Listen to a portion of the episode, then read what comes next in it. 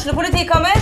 Ine Jansen er purk. Er du purk? The motherfucking bitch. Alt jeg vil, er å finne ut hva som skjedde med mannen min. Jon Carew, Er jeg sikta for noe? Iben Akeli, Det er du. Ole So, Lars Berrum og Big Daddy Karsten. Hvem sin side er du på, egentlig? Anette Hoff, Tone Danielsen, Kommer du fra Afrika?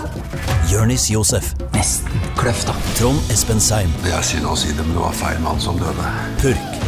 Premiere tirsdag på TV2 Play. Hei, og velkommen til en ny episode av Debrif med Dag Sørås. Så jeg lurer på om jeg hadde uh, det verste måltidet jeg har smakt i mitt liv i går. Uh, Nå skal det sies, jeg er ikke noe, noe matsnobb på noen måte. Jeg har ikke noe, har ikke noe særlig peiling på mat. Uh, da jeg vokste opp, så var det mye Det var mye koteletter, eh, kjøttkaker i brunsaus. Fiskeboller i hvitsaus. Kjøttsuppe. Helvete, det jævlig å Nei, kom ikke noe jævla nys. Uansett, eh, det var mitt eh, Husmorskost er det jeg vokste opp med. Eh, og etter hvert har jeg jo utvida min kulinariske horisont en del. Men uansett, i går så var jeg i Gjøvik. Jeg og Espen Abrahamsen var hadde siste testshow før uh, turneen sparker i gang denne uka. Og da hadde vi på forhånd Det var sånn eh, Jeg bare sier hva dere vil ha, så skal vi fikse det. Så det står Så det er klart når dere kommer. Så vi bestilte panert kylling. Med urtemajones og Faen, det hørtes Det, hørtes ok ut. Kylling er sånn er lett uh, Nå skal det sies at jeg vet jo faen ikke hva det betyr at noe er panert. Jeg går ut ifra det betyr svidd. Hva betyr panert?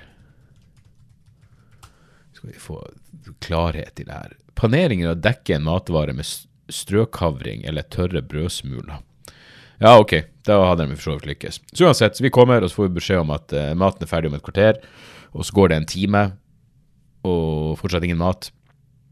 Så uh, Espen får tak i noen, og så kommer de plutselig, og når de kommer inn, så er det to stykker som kommer med maten, og de sier uh, med, med godt humør og opphøyd stemning. Er det noen som er sulten her?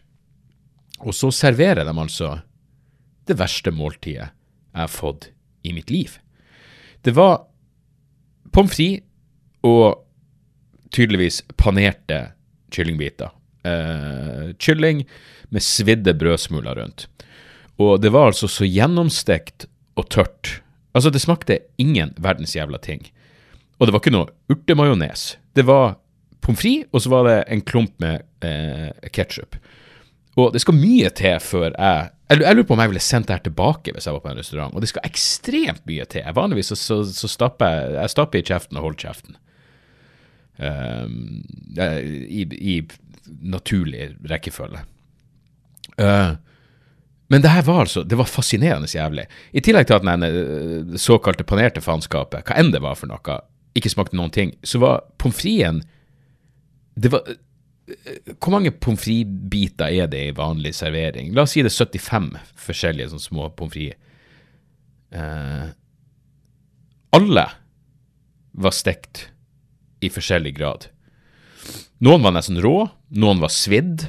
Altså, det er, det er ingen ord for å beskrive Altså, Hvis du skulle gå inn for å lage noe jævligst mulig, så hadde du ikke klart å lage noe så jævlig som det her.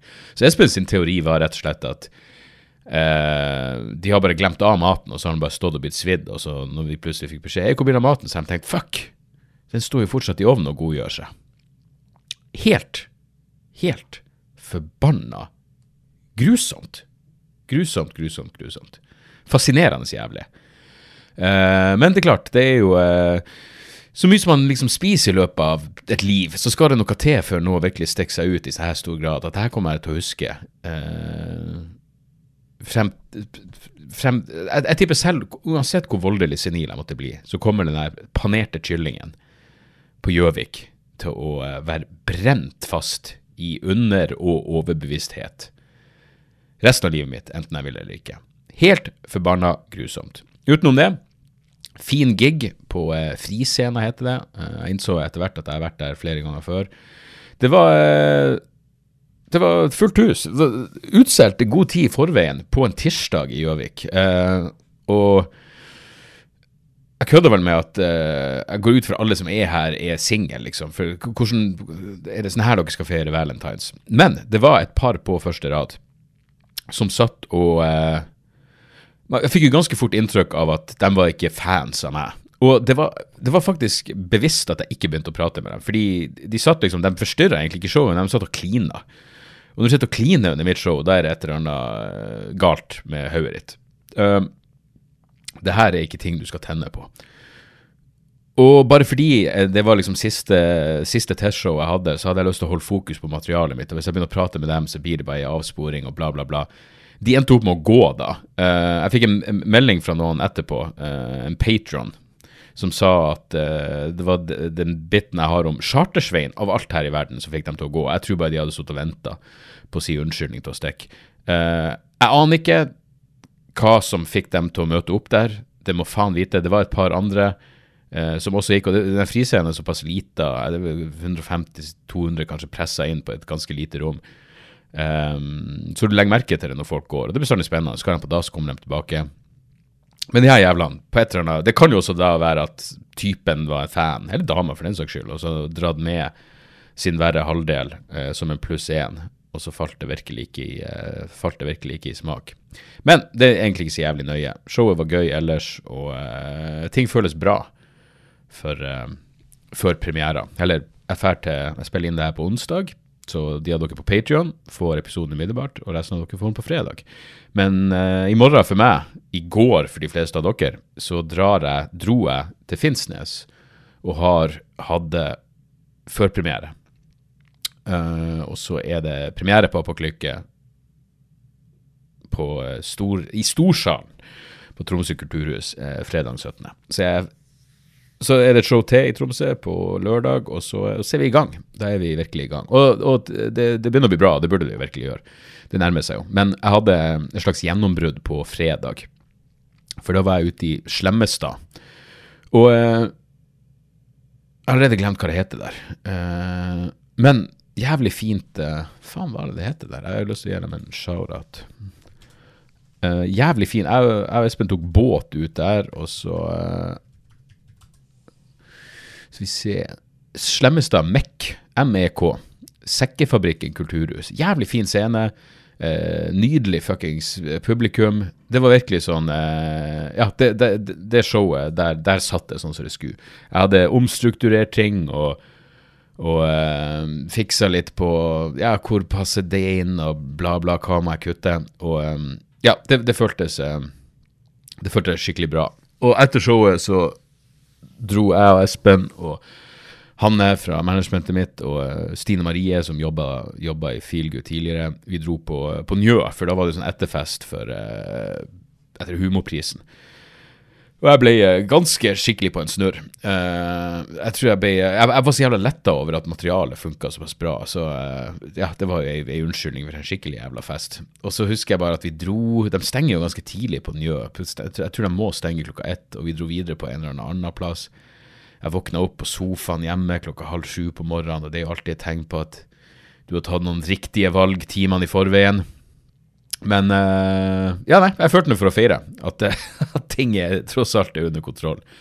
Um, så, eh, så, og lørdagen var røff. Helvete, altså. Da hadde jeg vært flink til en uke. Jeg hadde jogga jeg hadde jogga tre mil i løpet av de, de fem dagene. Blir ikke det? Mandag til fredag, ja. Eh, Jeg yoga én mil annenhver dag. Jeg har vært flink der. Og jeg tror det gjør noe med Det gjør noe med bakfylla. Den blir automatisk verre. Det vil jo stabilisere seg etter hvert, men eh, helvete, altså. Den, eh, og den ga seg faen ikke heller. Den var bare sånn vedvarende og seig. Og på lørdag så skulle jo eh, stakkars Espen, han var jo enda mer fucked up enn jeg var på, på fredag. Og han var sjåfør på lørdag, for da skulle vi ut til Odal, Odal rockeklubb. Og det var et nytt bekjentskap for meg. Odal er jo faen meg midt ute i jeg mener, er så ingenmannsland som du får det. Det er, det er 90 minutter strake veien mot, eh, mot det, mørkeste helvete ut av Oslo. Og når vi bare fulgte denne GPS-en og bare målet ditt er på høyre side, bare, hæ, hva er det slags jævla rituell henrettelse vi skal inn til her? Det var, det var så midtsommer Hvis midtsommer var spilt inn i februar, i bekmørket utfor eh, på, på Innlandet, eller hva enn det blir Eh, forbi Ja, det var Men plass, Odal rockeklubb, faen for en strålende plass. Det var en garasje som er omgjort til en, en, en, ganske stor garasje som er omgjort til en pub. og De har hatt konserter der. og Nydelig, intimt lokale. Strålende oppvartning. De hadde lasagne klar når vi kom.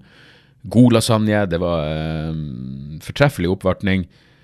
Publikum var litt sånn eh, Jeg vet da faen. Det bare begynte straks jeg gikk på. Espen gjorde det greit nok, og når jeg kom på, så var det ikke sant, Det er jo jævlig intimt. Det er kanskje plass til hva det kan være, 50-60 stykker, og da er det stappa inni der. Og noen på første rad, to gutt, å si guttunger, de var vel 20 år. Den ene sølte øla si over den andre, og så begynner de bare å krangle høylytt, akkurat idet jeg er kommet i gang. Og det var bare en sånn kveld hvor jeg bare aldri fikk fot. Alt føltes sånn opphakka, og det ble ingen flyt, og ja, det var ganske så jævla terningkast tre, hele jævla opplevelsen.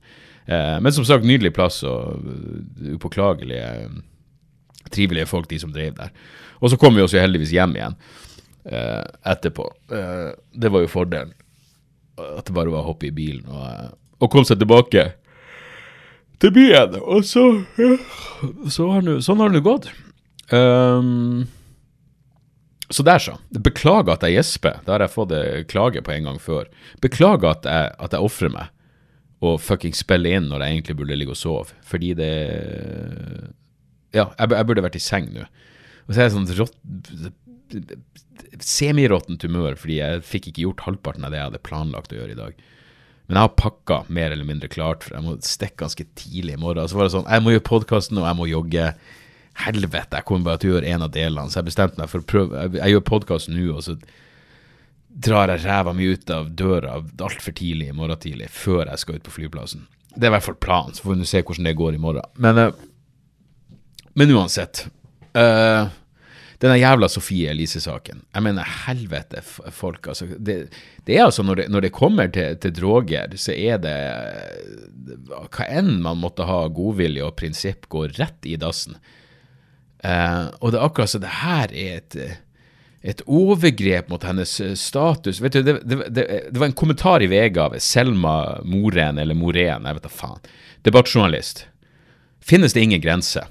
Og da skriver jeg jeg forsvarte deg mye, Sofie Elise. Nå har det blitt vanskelig.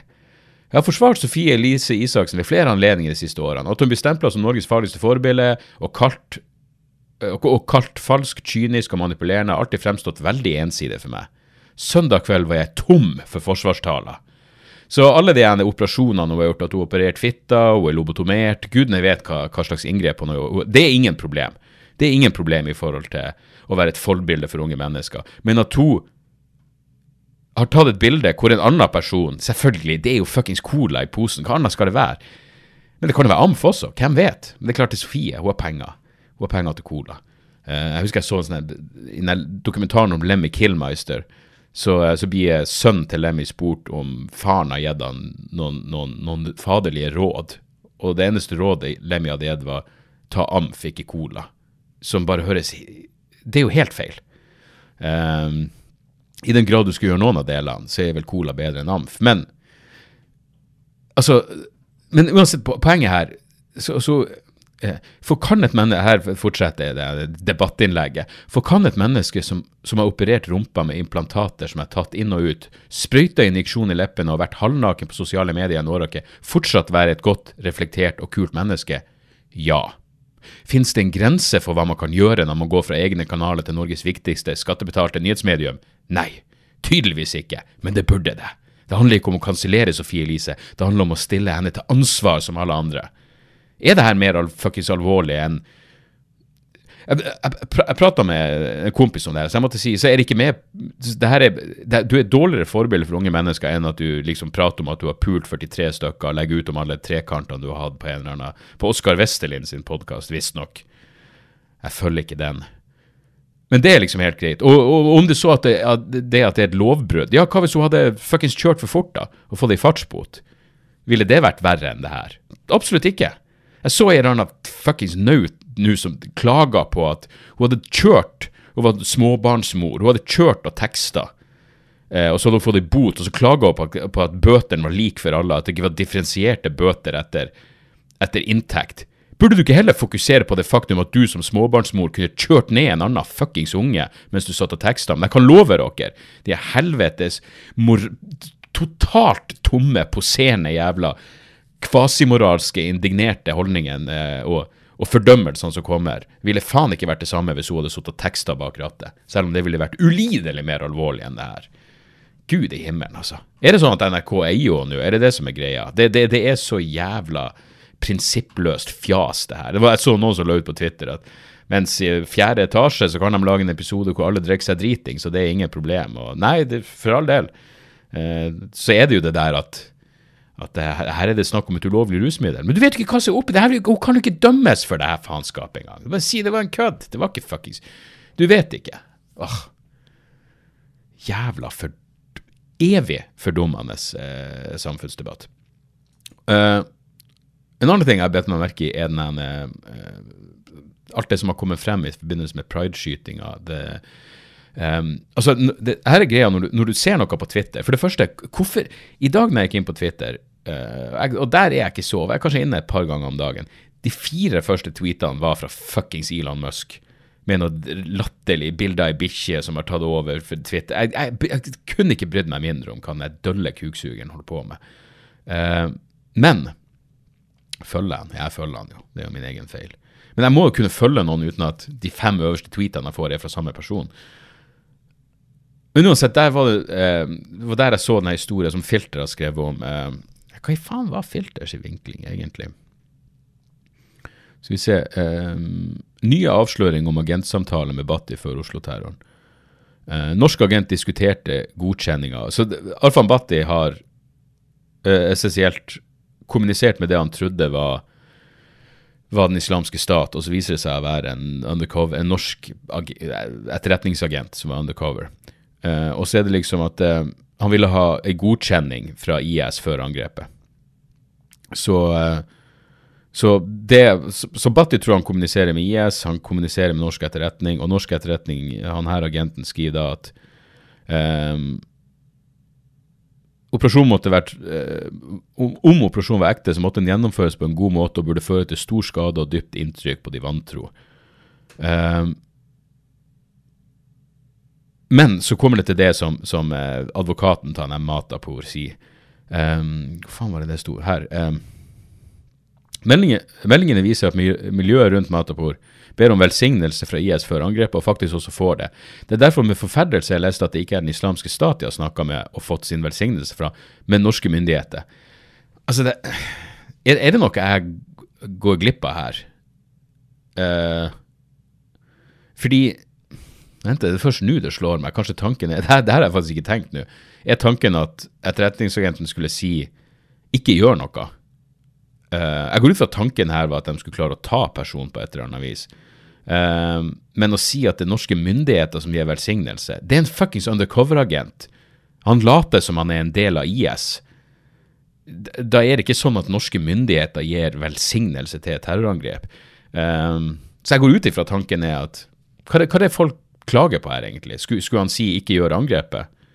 Uh, jeg vil tro tanken her var å ta Altså, det, det, det, virker bare som det er et jævlig langt steg fra, fra denne type uh, etterretningsoperasjon uh, som åpenbart går til helvete siden angrepet ble gjennomført, um, og det som er avslørt av FBI, hvor de virkelig setter i gang. Altså instigere terrorangrep og, og planlegge og, og, og, dra, og liksom involvere mer eller mindre evneveike eh, pseudo-islamister som de da klarer å overtale til å jeg vet da faen, sette av ei bombe på Times Square, og så viser det seg ikke være ekte bombe, og så tar de dem.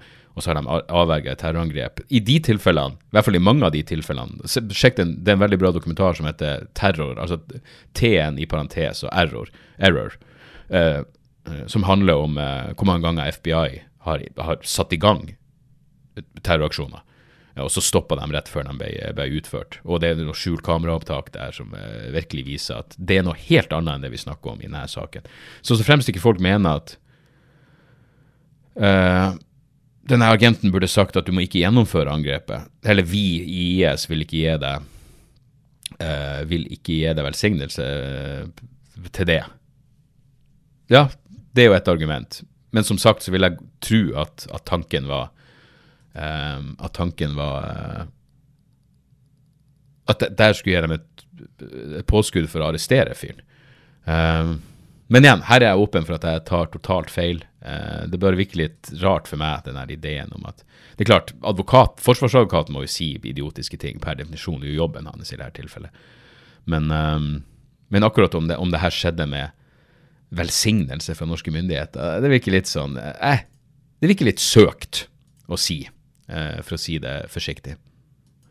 Skal det også sies eh, eh Jeg driver og eh, Omsider ble ferdig med den helvetes eh, Philip Short sin murstein om, om, Putin. Den heter bare 'Putin His Life and Times'. og det er jo interessant, særlig selvfølgelig i, gitt at denne boka var skrevet ferdig før eh, angrepet på Ukraina. Men liksom, hvor man ser den oppbygninga, og hvor man liksom ser at de, de, liksom de tre primære tingene Hvordan Putin sitt forhold til Vesten forandrer seg, og at de tre primære tingene var um, um, Som liksom provoserte han med Vesten, var ja, selvfølgelig Nato-utvidelse, eh, Nato-intervensjon i Kosovo, og det at eh, USA trakk seg fra en eh, antiballistic Anti-Ballistic Missile Treaty. Um, så, så det, det, det, er åpenbart at det har bygd seg opp over tid. Men det, poenget mitt var at den jævla Beslan Husker dere det, det terrorangrepet? Det var faen meg drøye saker. Jeg hadde glemt av hvor jævla brutalt det var, for jeg lurer på Når var det igjen? Slutten av Var det i 99? Um, Beslan attack tidlig 2000-tallet eller 99? Nei, fuckings 2004. OK, 2004. Det er i hvert fall Det er, uh, det, det, er en del om, uh, om det terrorangrepet i, i, boka, fordi her, her er jo faktisk et poeng som, som jeg syns Jeg mener, gitt at stater ikke er moralske agenter, gitt at, at Putin er en, et nådeløst maktmenneske, uten å fuckings Det er mulig han har mellommenneskelig moral til en viss grad, men i jobben sin som eh, statsoverhode, så, så, er han eh, like nådeløs av alle andre. Men jeg kan faktisk forstå eh, denne, at du får litt sånn At du blir småprovosert av at eh, russerne har et problem med ekstrem islamisme som de da kritiseres for. Og gudene skal vite at de fortjente kritikk for det. Jeg mener, Den, den jevna vel faen meg Grosny med jorda. Men så starter USA sin krig mot terror, og de samme typer taktikkene blir, blir forsvart. Uh, og det var jo en god del. Du hadde også det angrepet på den, eh, den kinosalen uh, i Moskva. Og uh, ja, det, det, har vært flere. Flere islamistiske terrorangrep. Men i hvert fall under i, i, i Philip Shorts sin, sin Putin-biografi, så er det jeg håper å si, ei scene. Det er liksom en beskrivelse av det grusomme faenskapet i Beslan. Det var vel i barneskole de gikk inn i og holdt alle igjen. Det varte i tre dager. De holdt, de holdt over 1000 eh, stykker eh, som gissel. Over 300 ble drept. Eh, flesteparten av dem tror jeg var barn. Eh, og så er det så skole selvfølgelig omringa av soldater, spesialstyrker og politi og gudene vet. Og så, og så driver de og forhandler med gisseltakerne. Og eh, så det er ei dame der jeg lurer på om hun hadde ungen, ungene sine med seg. Gubben hennes er en del av, eh, er en av terroristene. Så hun driver og liksom trygler med han og, og uh, får han på, på, på, på, linja. Og trygler han om å uh, ikke skade noen og bare overgi seg. Og så sier han, får snakke med jeg tror det var, om det var en politimann eller en soldat. Uh, så hun gir liksom telefonen tilbake til soldaten, da. Og da sier han bare til soldaten bare skyt henne og skyt ungene mine. Vi kommer aldri til å gi oss. Og da er det sånn Ja, ok. Relativt eh, Relativt vanskelig å, eh, å forhandle eh, med sånne mennesker. Og eh, det er så rart når, når liksom en plass bare for evig er forbundet. På samme måte som Bjugn, liksom av andre årsaker. Men når du bare hører et, et, et, bynavn, så er det for evig. Hvis du sier Beslan, hva tenker man på annet enn um, en grusom, grusom usedvanlig grusom, eh, fordi det involverte unger. Usedvanlig grusom massakre. Så, så, boka er interessant. Jeg leste den jo med håp om å få en masse greier jeg kunne bruke om Putin men, eh, til liksom materiale, men som jeg blir å prate om i showet mitt, så jeg ganske dølt menneske, altså. Virkelig et, eh, et kjedelig menneske. Og så har Philip Short noen sånne fine hvor han fordi det er jo det som blir. Det, det er så enkelt å være enig med Putin i mye av kritikken, liksom særlig det han, den kritikken han kom med ja, under krig mot terror og bombing av Libya og, og en del av eh, de åpenbare feilgrepene som ble gjort i Syria. Og så er det sånn, Jeg er enig i det du sier der, men hvordan kan du si de tingene uten å rødme? Hvordan kan du si det uten å, uten å bare anerkjenne at du er den fuckings den mest Snakk om å ikke se et titalls bjelker. Du ser et titalls bjelker i en brors øye uten å Nei, hvordan er det igjen? Hva er det, hva er det du ser i din brors øye? Er det ei flis?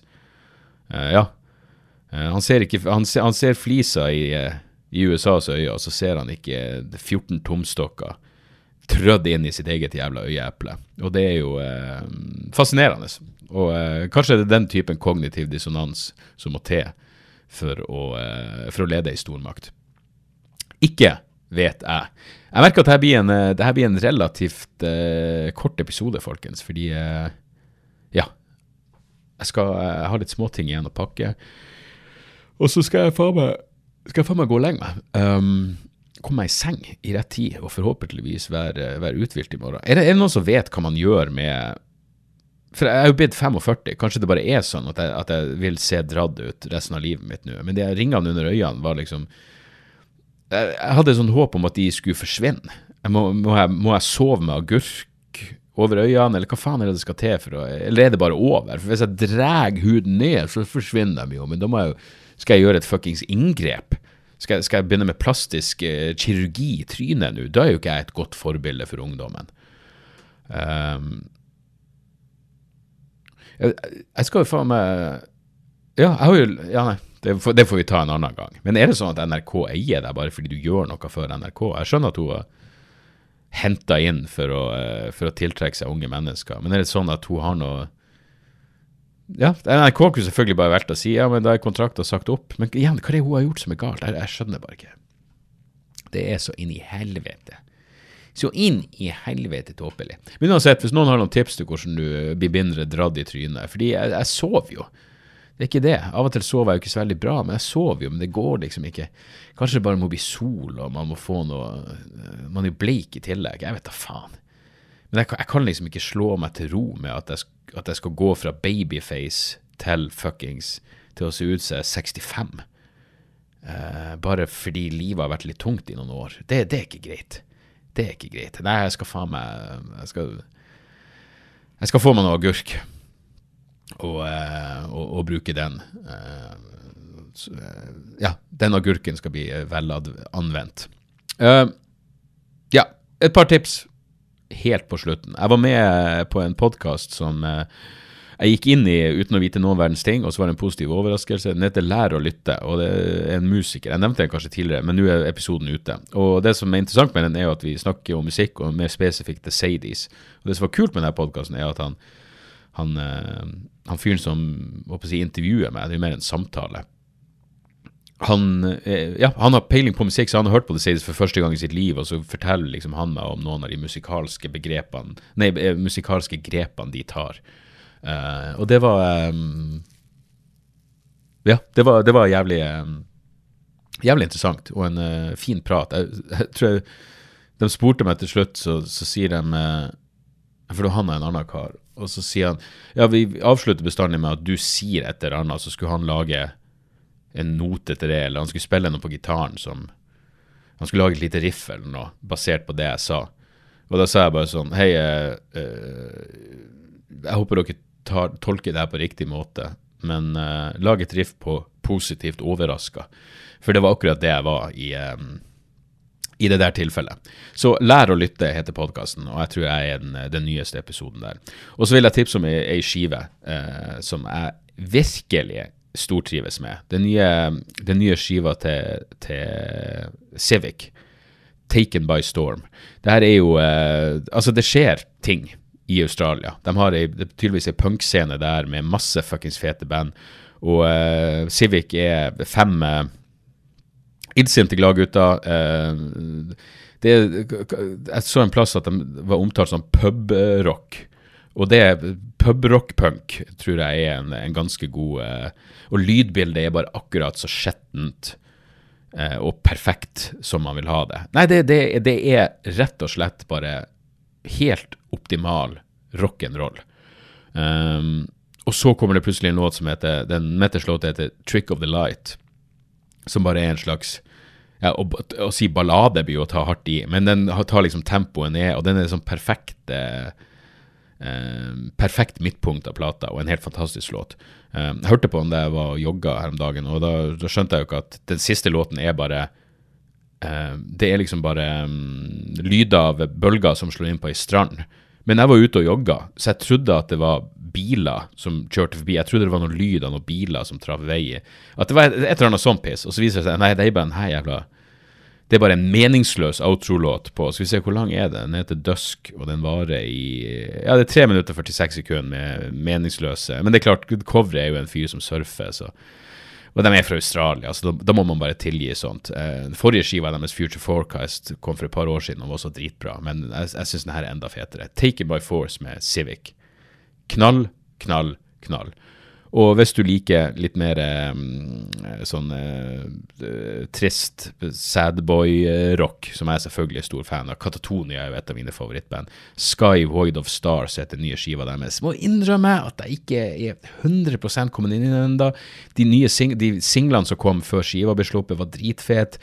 Um, det er en låt som heter Impermanence, som vel er min favorittlåt på, på, um, på skiva. Men der har de av en eller annen, av en eller annen grunn så bruker de eh, vokalisten fra Sowen, som, som, er et helt strålende eh, svensk eh, ja, sånn proggy rockeband.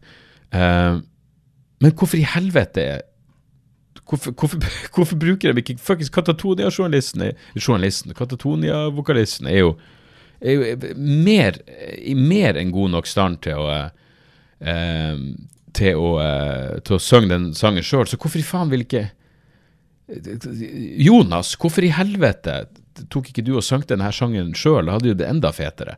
Uh, så, så en eller annen grunn så er de gjestevokalist. En strålende gjestevokalist, men du trenger ikke en strålende gjestevokalist når den vokalisten du har i bandet, er enda mer strålende. Så uh, jeg vet ikke. Så jeg er ikke helt kommet inn i avslutningslåta. Sånn, det, det, er mulig den kommer til å vokse på meg. Sånn er det jo ofte med med skikkelig bra skive, at det, det tar en stund før du kommer inn i det, og så plutselig får du et eureka-øyeblikk, og så innser du hvor bra det er. Jeg håper jo at det skal skje med denne Sky Void of, of Stars-skiva også, men jeg må innrømme så langt jeg er litt skuffa. Samtidig så er de et så jævlig bra band at uh, det fortsatt er lett for meg å, uh, å anbefale plata. Og så vil jeg absolutt anbefale dere den Philip Short sin uh, Putin, His Life and Times. Så der. Eh, relativt to the point-episode akkurat nå. Det er fordi jeg har Jeg må innrømme, jeg, jeg er i premieremodus. Jeg, tankene mine er på showet mitt akkurat nå, og jeg driver fortsatt og prøver å finne ut hva å, Jeg burde stryke de der, og så må jeg flytte den inn der. Og hvis jeg tar den fra starten og helt ned på slutten, så kanskje Det ordner seg. Det ordner seg. Det er min jobb. Det, det, det, hey, dere, skal bare, dere, skal bare, kjøpe billett og komme og sette dere ned og storkose dere, og så skal jeg, så skal jeg gjøre resten. Uh, alt av billetter ligger ute på dagsoras.com. Og nu, nu, nu, siden det her er premiereuka, så tar jeg meg faen meg frihet til å lese opp alle datoene. Fordi det er kommet en del nye. Og det kommer flere. Når folk skriver sånn 'Kommer du ikke til fuckings Drammen?' Kommer du ikke Jo, jeg, garantert. Selvfølgelig skal jeg til Drammen. Uh, uh, men Torsdag 16. februar, fortid for uh, mange av dere, så er det førpremiere på Finnsnes kulturhus. 17. februar, Tromsø. 18. februar, Tromsø. 24. februar er jeg på Lofoten kulturhus i Svolvær. Eh, dagen etterpå eh, Meieriet på Leknes, det har vært utsolgt en stund. 3. mars Mosjøen. 4. mars Sandnessjøen, der er det få billetter. 10. mars er det Mo i Rana, Meiergården, få billetter der også. 11. mars kommer jeg til Kred i Brønnøysund. 18. Bodø, Stormen konserthus. Eh, ytterst få billetter igjen. Jeg gleder meg som faen. Der blir Espen med meg som support, eh, og det, det, kommer til å bli eh, jævlig gøy. Så jeg er i Skjervøy 23. mars, 24. mars Alta kultursal. 25. mars Hammerfest, Arktisk kultursenter. Pleier alltid å være jævlig gøy. Så er det Svalbard, Longyearbyen kulturhus. 31. mars. Harstad 14. april. Sortland 15. april. Bergen Forum Scene. Faen, det blir nice. 22. april. Så det blir Halden. Aladdin. Aladdin. Aladdin scene. Eh, 28. april. Eh, Oslo Sentrum Scene 29. april er utsolgt, men det kommer et nytt show. Det er Billettene ute til Oslo Sentrum Scene 23. november. Og så Mo i Rana, ekstrashow 22.9. 29.9. kommer jeg til Stjørdal. Eh, 30.9. kommer jeg til Byscena i Trondheim. Showet klokka 19 er utsolgt, men det blir et show til klokka 22 samme kvelden. Billettene eh, bør komme aldeles straks. Haugesund 6.10, Stavangeren 7.10, og så altså Oslo Sentrum Scene 23.11. Det kommer også flere show eh, i andre halvdel av året. Eh, jeg har faktisk aldri solgt mer billetter på forhånd. Jeg har aldri, mer, aldri solgt mer billetter før en turné starta, og det gjør meg så oppriktig jævla glad. Og jeg både håper og tror at podkasten spiller en, en, liten rolle der. Så eh, takk som faen for at dere hører på. Hvis dere føler for noe mer bonusmateriale, gå inn på patrion.com slash dagsoras. Men eh, først og fremst, takk for at dere hører på. Og så, eh, så håper jeg å se dere ute på veien. Og uansett så høres vi igjen neste uke. Neste uke lurer jeg faen meg på om det kanskje blir to episoder, faktisk. Så uh, vi får vente og se. Men, uh, men uh, takk for denne gang. Er det, noen her, er, det, er det noen som er sulten her? Hvordan i faen kan du komme inn med en sånn energi når du skal servere panert fuckings mannskit? Kunne like Hvis noen kom inn og sa 'Hei, er det noen som er kåt her?' og så var det Charterhilde. Det er den perfekte analogien til det jeg og Espen måtte gå igjennom. Utilgivelig måltid. Utenom det, vi høres snart igjen, folkens. Tjo og høy. Har du et enkeltpersonforetak eller en liten bedrift? Da er du sikkert lei av å høre meg snakke om hvor enkelt det er med kvitteringer og bilag i fiken, så vi eh, gir oss her, vi. Fordi vi liker enkelt. Fiken superenkelt regnskap.